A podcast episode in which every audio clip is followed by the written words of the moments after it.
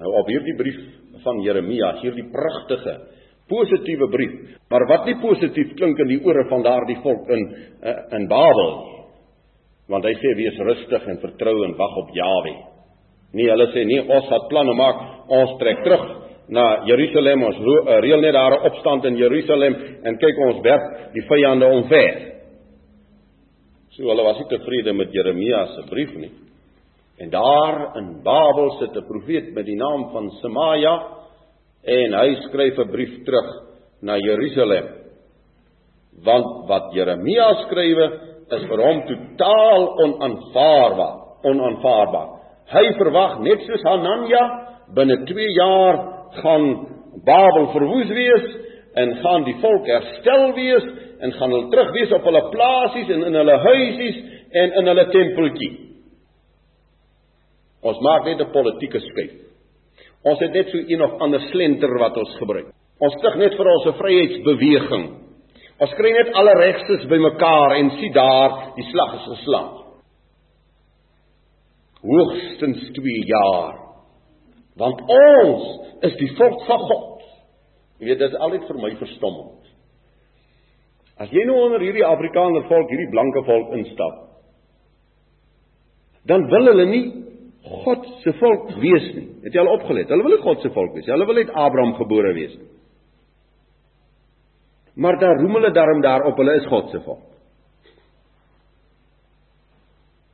Verskriklike verwarring in die gees en in die gemoed van my mense. Hy wil nie werklik sy identiteit ken nie. Maar hy's daarom anderster as die ander spul op die aarde. Vir Jeremia geliefdes Luister mooi wat ek nou sê.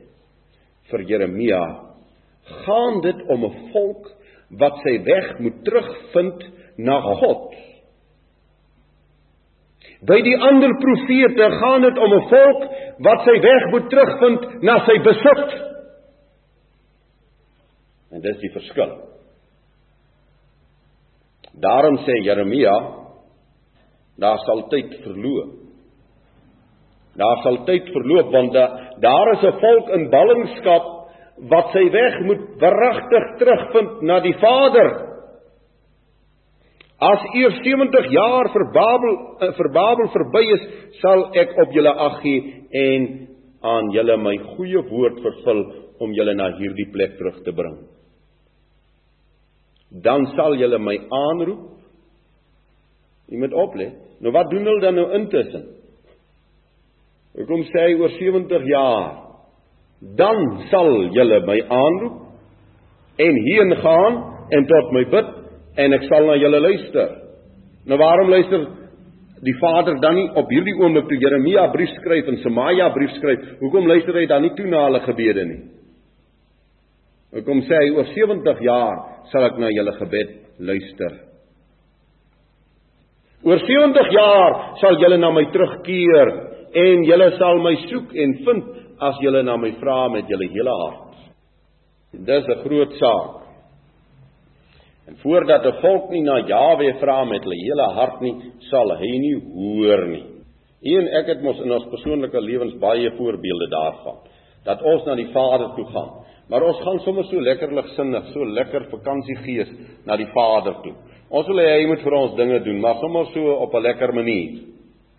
Maar wanneer het ek gaan kniele vir 3 maande op my aangesig gelê voor Jawe dat hy vir my sal hoor? Nee, dis te veel moeite. Dis te swaar. So as Jawe nie na my luister, sommer as ek so op 'n piknikwyse aangaan nie, dan is dit verby. sien dit is die tragedie. En dit is dis die probleem van die volk. Hierdie verbanne volk en hierdie volk wat in Jerusalem sit, hulle gaan nie na Jawe toe met hulle hele hart nie. En daarom hoor hy nie. Is daar baie mense wat vir my kwaadlik neem dat ek sê los die politieke patrone. Ons moet daaraan deelneem sê hulle. Hulle sê vir my as jy nou nie daar is nie, dan bereik jy nie mense nie. Nou wonder ek waar is ek en bereik ek waar mense? Waar bereik jy mense? Dis nie ek wat mense moet bereik nie. Die Hemelse Vader bereik hulle en dan stuur hy hulle na my toe. Want as hy hulle nie roep nie, dan is hulle nie geroep nie. As u en ek mense gaan roep, kan u veragtig weet, hulle is nie geroep nie. Maar as Jahwe hulle roep, dan is hulle geroep. Jeremia het dit nie gedoen nie. En ek wil dit ook nie doen nie. As mense bereik moet word, dan sal Jahwe hulle bereik. En hy sal hulle bereik deur sy Heilige Gees. Mag ek vir u vertel? Stap nou die dag so tydjie gelede in 'n besigheid in. Daar staan 'n man, hy is aan die verkoop of aan die smous, ek weet nie wat hy gemaak het. En ons raak sommer so aan die gesels, hy's daar uit die Transvaal uit en skielik kom ons agter nee maar ek en hy praat dieselfde taal. Al sit hy in in die kerk. Ek sê my vriend, wil jy nie by my 'n draaitjie kom maak nie? Dan gee ek jou 'n bietjie leesstof en dan gee ek vir jou so 'n preekie of twee. Vanmiddag lê die telefoon. Hy sê, "Onthou jy my?" Sê, "Ja." Onthou jy? Toe hy sy naam sê. Hy sê, "Baie dankie vir daai bandjies. Ons het nou al geluister dan as hier 'n ou by my in die huis kom en hy kom sit en dan moet hy luister." nou, jy sien, so Jawe maak net iemand voor jou staan en die deur swaai oop en jy begin met hom praat en hy begin dit besef maar daar's 'n Bybel waarheen hy moet terugkeer. En hy keer terug na hierdie woord toe en dan hoor hy net 'n boodskap en en daai boodskap bring hom terug woord toe.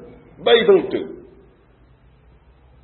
Ag kan ek iemand nog vir jou ietsie vertel? Uh, jy weet ek kry sulke interessante oproepe. Nou die aand bel 'n man en ek het nie lank met hom gesels het ek nou agtergekom hy's 'n teologiese student, maar hy uh, Maar hy sê vir my, hy luister die preek oor uh, Koninkryk 3. Nou u sal onthou die reeksie oor die Koninkryk uh die derde een het gegaan oor die grondwet. Hy sê vir my oor die foon, hy sê toe hy na die preek klaar geluister het, het hy gesê dis 'n Bobbejaan wat hier praat. Maar nou wil hy daar vir my sê hy is vreeslik jammer dat hy nou so iets gesê het. Ek sê ag man, dit pla my nie.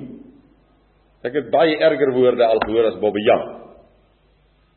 Nou sê hy vir my maar wat hom nou so ontstel. Hy wil weet of ek gered is. Hy wil weet of ek geloof in my hart het. Hy wil al hierdie goeters weet want hy het nie een keer die naam van Jesus Christus in die preek gehoor nie. Kan nie glo. Sê ek man, daar's niemand vir wie ek so lief is as my verlosser nie. Ek sê maar jy moet maar die preek weer luister. Want hoe kan ek oor die koning en die koninkryk praat En die mense dink ek praat van iemand anders as maar van van my wonderlike Vader en Verlosser. Van wie praat ek daar? Van moet wie ek besig vanaand? Ek is besig met Jahwe Almagtig en sy plan oor sy volk. Jahwe bereik deur sy Heilige Gees mense. En as hy hulle op 'n pad plaas, dan gee hulle hulle lewe daarvoor. sien dis die verskil. Die dag wanneer Jahwe 'n mens vat en hy plaas jou op 'n pad dan sal jy jou lewe daarvoor gee. Nou kom ons kyk so 'n bietjie na die inhoud van Semaja se brief. Nommer 1 sê Jawe, jy, jy Semaja het die brief geskrywe in sy eie naam. En nou stuur hy verder hierdie brief aan Sefanja, die priester in Jerusalem. En volgens Semaja is hierdie profeet Jeremia van Anatot is hy 'n kranksinnige. Ja, hy's 'n kranksinnige. Ek kan nou nog gaan soek en dit in die hande probeer kry die ringsverslag nadat ek in die NG Kerk bedank het en skryf 'n professor uit Pretoria uit vir die ring van De Ben. Die man is tog immers gek. So hy's kranksinnig. Wat is 'n gek mens as mos 'n kranksinnige mens? Nou ja. Jeremia is 'n kranksinnige mens. En Jeremia is volgens hom 'n pessimis.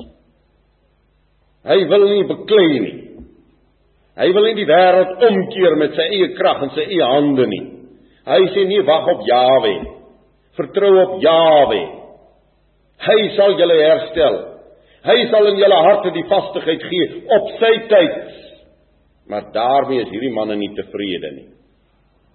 En inteendeel, Jeremia is 'n man wat straf verkondig. Jy moet gaan lees wat sê hoe sal dit met Jerusalem gaan? Skrikwekkend. Hoe sal dit met Jerusalem gaan? Hoe sê Jeremia, hoe sal dit met Jerusalem gaan? Maar Sedekia sê onder leiding van hierdie soort priesters wat hy het, wat sê nee, ons doen ons dinge. Stook 'n revolusie. En ons weet wat is die einde van Sedekia gewees. Uh so Jeremia is vir hulle 'n probleem.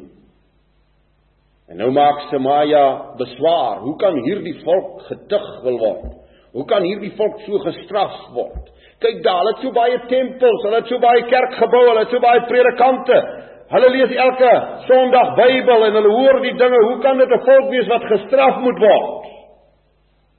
Hoe kan hierdie ou wit volkie in Suid-Afrika slaag kry? Is daar 'n land wat mooier tempels het as hy? Of meer? Is daar 'n land wat meer predikante het as Suid-Afrika in volksverhouding? Nou hoe kan hy nou wel straf kry? Kyk net wat gee hulle nie al vir die sending nie. Kyk net hoe hard werk hulle. Kyk hoe hulle bazare, bak hulle pannekoeke. So hulle baie bes, baie beswaar teen Jeremia wat 'n ander weg aandui.